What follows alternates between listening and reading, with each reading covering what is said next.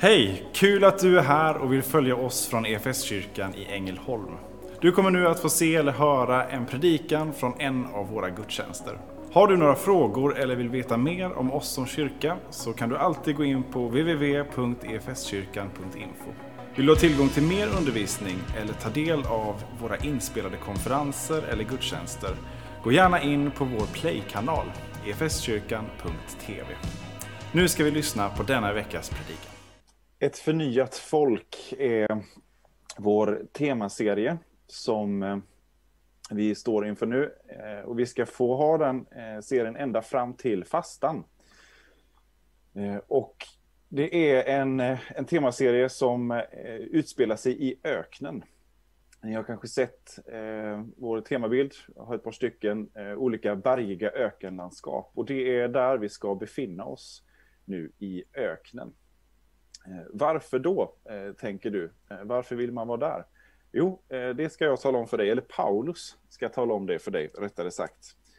Vi ska läsa från första Korintierbrevet kapitel 10, vers 11 och framåt. Där skriver Paulus om, om folket, Israels folk och deras tid i öknen. Och hela första Korintierbrevet är genomsyrat av bilder från den, eh, från den judiska påsken och allt som finns med där med det osyrade brödet och, eh, och eh, ökenvandringen, uttåget ur Egypten och hur eh, Jesus eh, uppfyller och fullkomnar den här påsken eh, i det han gör på korset. Så troligtvis skriver Paulus det här i, eh, i påsktid, inspirerad av den högtid som, som de står inför när han skriver till Korintierna. Och så skriver han om det här eh, som händer i öknen och så eh, fortsätter han så här, vers 11. Allt det som hände dem är exempel och det skrevs ner för att vägleda oss som har tidsåldrarnas slut in på oss. Därför ska den som tror sig stå stadigt se till att han inte faller.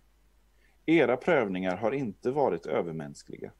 Gud är trofast och ska inte låta er prövas över förmåga. När han sänder prövningen visar han er också en utväg så att ni kommer igenom den. Det som Gud har gjort genom historien är inte bara historia. Och i den judiska påsken och i sättet att fira uttåget ur Egypten så blir det väldigt eh, påtagligt och tydligt att det inte bara är historia utan det är också eh, eh vår, eh, någonting som vi har varit med om. Eh, när vi blev förda ut ur Egypten av Gud, säger man, trots att det är tusentals år sedan. Eh, och Paulus skriver att det här skrevs ner. Vi har berättelserna kvar för vår skull.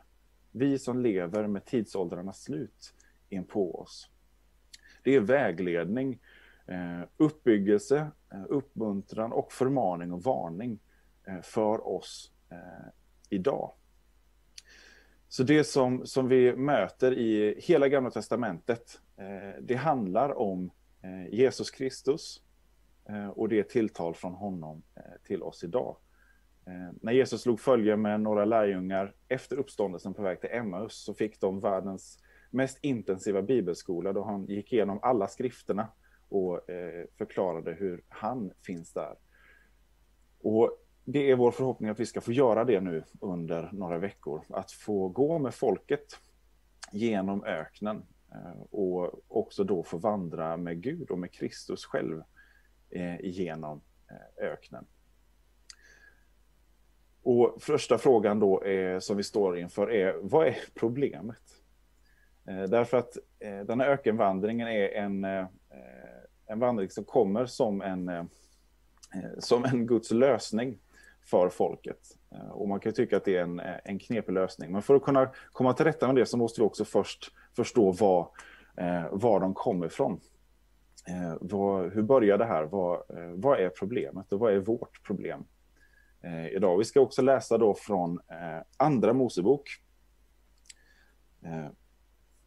från kapitel 3, där Gud talar till Mose. Eh, och Mose har precis fått, eh, fått möta Gud i den brinnande busken, en buske som eh, eh, brinner men som ändå inte brinner upp. Och där talar Guds röst till Mose. Från Andra Mosebok 3, vers 6 och 7. Gud fortsatte. Jag är din faders Gud, Abrahams Gud, Isaks Gud och Jakobs Gud. Då skylde Mose sitt ansikte. Han vågade inte se på Gud. Herren sa, jag har sett hur mitt folk plågas i Egypten. Jag har hört deras klagorop över sina slavdrivare. Ja, jag vet vad de får lida. Här befinner sig Israels folk nu i Egypten. Och man har gjort det i eh, några hundra år. Det var Josef eh, som, eh, som hamnade i Egypten först. Som blev eh, förrådd av sina bröder, såld som slav. Eh, men sen blev upphöjd till faraos närmsta man. Och fick vara med och rädda eh, Egypten och hela världen däromkring undan svält.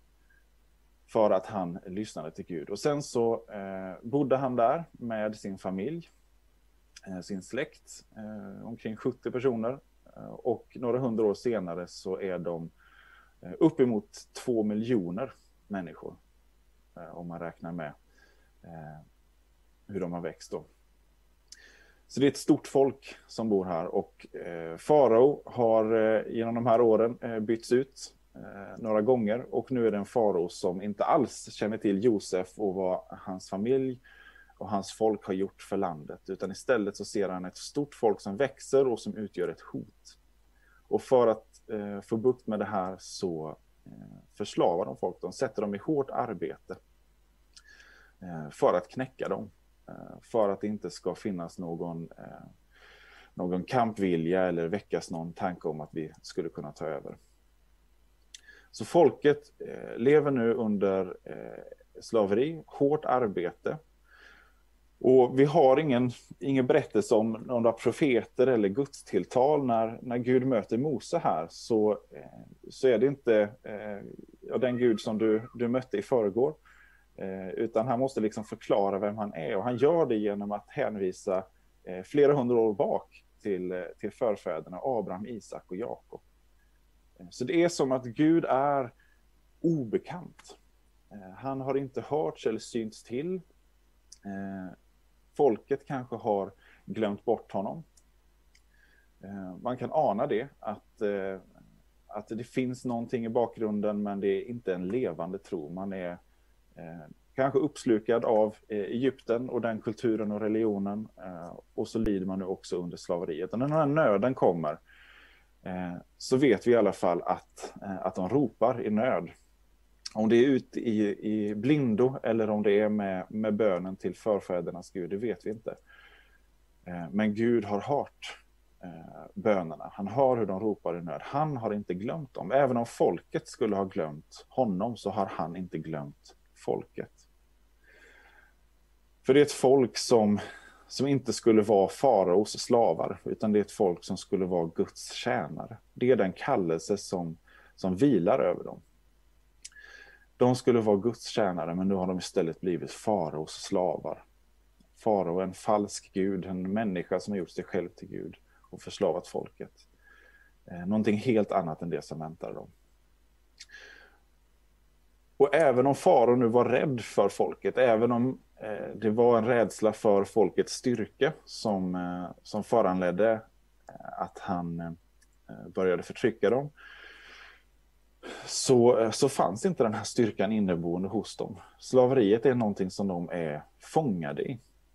Eh, och eh, eh, som de är försvarade, det är någonting som de inte kan ta sig ur själva slaveri sätter sig inte bara i, i det yttre, utan eh, det sätter sig också i, i själen och i, i det mentala. Även om de skulle kunna mobilisera en stor styrka kanske, eh, Eh, så, så finns inte möjligheten. De har inte eh, den kapaciteten.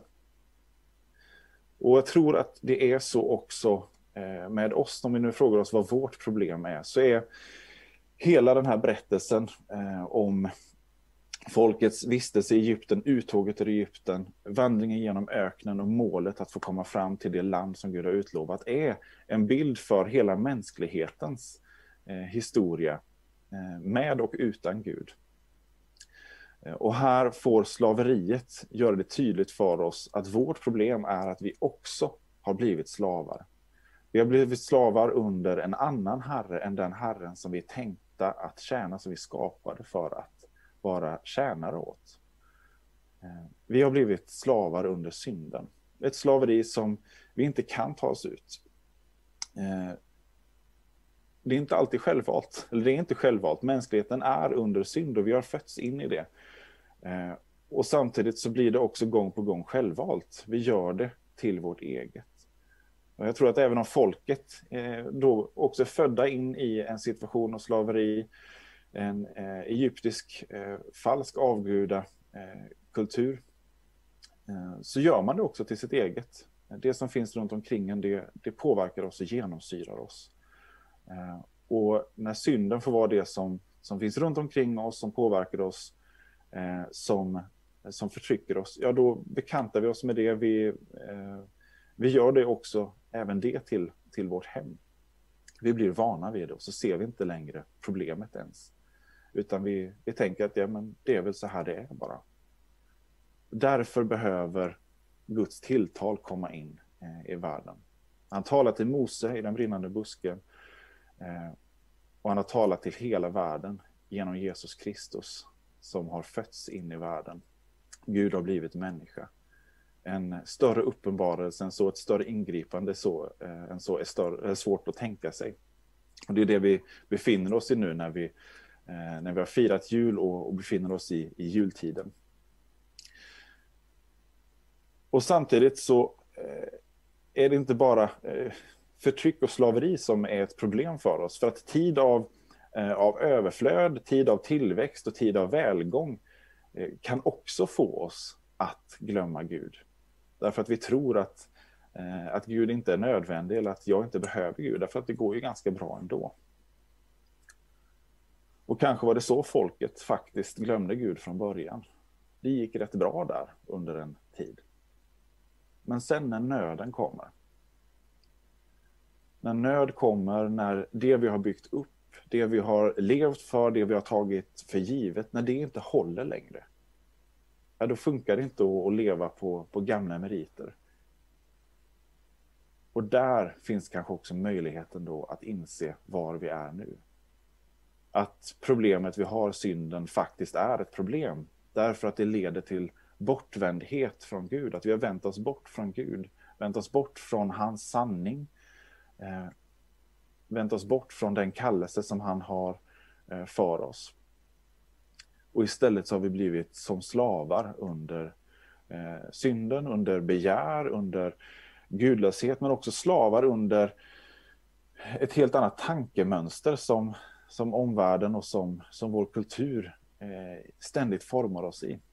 Där vi inte räknar med att Gud finns eller räknar med att om han finns så är det bara som ett, eh, en idé eller ett privat litet intresse kanske. Så det här slaveriet är inte bara eh, konkreta handlingar som vi gör som vi vet att vi eh, är fel och som vi inte kan låta bli, utan det, är liksom, det påverkar hela vår varelse. Det är därför som, eh, som synden är så bedräglig. Och om den får oss att eh, glömma och överge Gud så är det katastrofalt för oss. Och samtidigt så är det här någonting som inte är ett hinder för Gud själv. Därför att även om vi har glömt honom, även om vi har övergett honom, även om vi inte har varit trofasta, så är han trofast. Han glömmer inte oss. Han överger inte oss.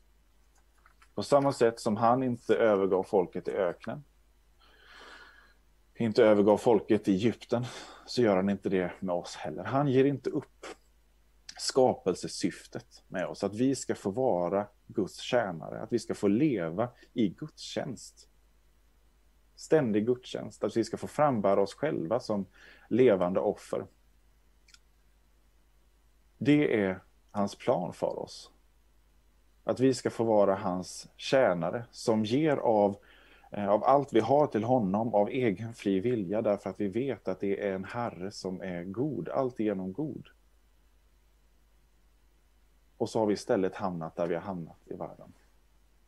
Och det är faktiskt så att ordet för slav är samma ord på hebreiska som ordet för tjänare. Det är två, eh, två sidor av det.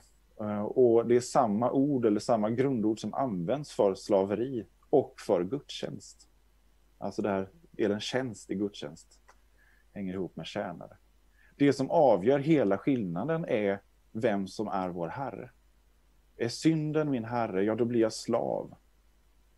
Och jag lever i hårt arbete under eh, det här slaveriet som, eh, som förblindar mig.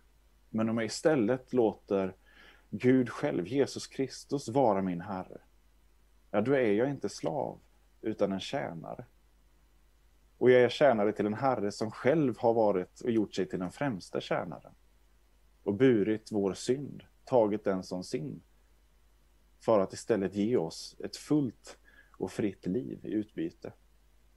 Och då är det inte längre lidande och hårt arbete i ett slaveri, utan då är det att få fira gudstjänst, att få ha gemenskap med levande Gud. Vem vår Herre är avgör hela skillnaden. Och vi misslyckas när vi tror att vi kan vara vår egen Herre. Att vi, att vi kan förändra vårt liv och skaka av oss alla de här eh, ovanorna och eh, destruktiva beteenden. Vi lyckas inte med det. Och historien har lärt oss att ingen mänsklig herre är alltigenom god. På många sätt kan det ha gjort oss cyniska. Att vi har tappat tron på, eh, på samhällssystem och på, på mänskligt ledarskap. Eh, och med, med rätta får man väl säga. I många gånger. Men det får oss också då att tro på lögnen att vi inte behöver eller kan ha någon herre. Och att vi istället ska vara vår egen herre, att det vore det bästa för oss. Men vi är precis lika korrumperade som alla andra Eh, människor. Vi behöver en god herre som är alltigenom kärleksfull, alltigenom rättvis. Och det finns bara en sån. Som inte är herre genom att härska och kuva, utan som är herre därför att han har tagit allt lidande på sig. Han har tagit all synd på sig. Och han har besegrat synden och döden och djävulen på korset och i uppståndelsen. Och även om vi cyniskt inte kan tro att det finns någon god ledare eh, för oss längre, så i tider av kris och när andra system faller så väcks ändå det hoppet. Och på det sättet utgör tider av kris och nöd både en fara och en möjlighet. Och vi ser det, tycker jag, nu runt om i världen. Eh, hoppet väcks om någon som kan lösa krisen vi befinner oss i. Om det så är, Eh, är sjukdom och pandemi eller om det är eh, demokratier som, eh, som krackelerar eh, eller vad det än är. Eh, så ropar vi desperat efter någon som kan lösa det.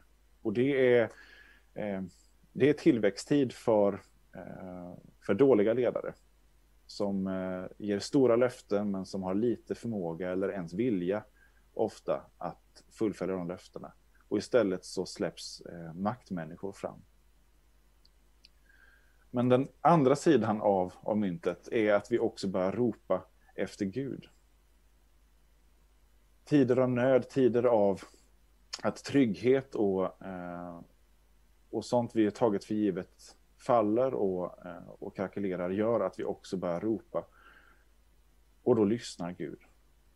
Han har, därför att han har inte övergett oss. Han har inte övergett dig, han har inte övergivit mig, han har inte övergivit sin skapelse. Om vi drabbas av öken, om vi ser att, att det vi trodde var för evigt, eh, vår, eh, vår välutvecklade eh, västvärld, när det inte är vad det verkade, då tror jag att det är tillfälle att börja lyssna efter Guds röst i det här. Vad vill han visa nu? Vad är det han vill avslöja i, i våra liv? Vad är det han vill avslöja i, i vår tid? Vad är det han vill avslöja i vår kultur som är avgudar och falska herrar som vi har eh, skapat oss? Vad är det för någonting som vi har fyllt våra liv med som har gjort att vi glömmer bort honom? Att vi har börjat vända honom ryggen? Därför att han är intresserad av att leda dig och mig, var och en av oss, till ett helt annat liv. Det finns ett, ett land som är till för oss. Vårt hemland är inte här på jorden, utan i Guds rike. Och det kan kännas så främmande för oss, därför att vi är fortfarande slavar i, i det mentala. Vi är, vi är så vana vid den här världen. Vi tänker ja, men det är, har väl ändå rätt bra, fast att det inte är så bra så är det väl ändå rätt bra.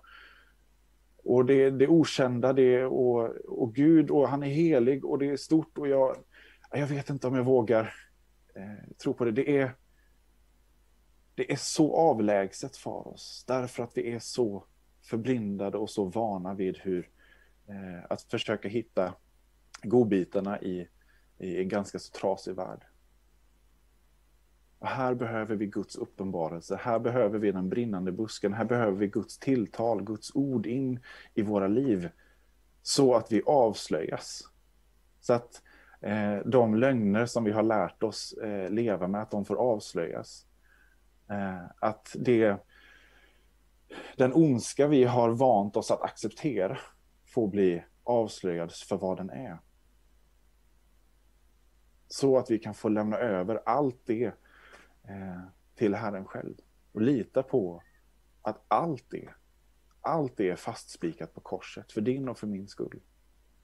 Gud har blivit människa, han har stigit in i världen, han har stigit rakt in i slaveriet, rakt in i mörkret, rakt in i ondskan. Och tagit vår plats. Han har tagit vårt lidande. Och i utbyte så vill han ge oss liv. Ett förnyat liv, ett nytt liv. Och han vill forma oss och skapa av oss ett förnyat folk.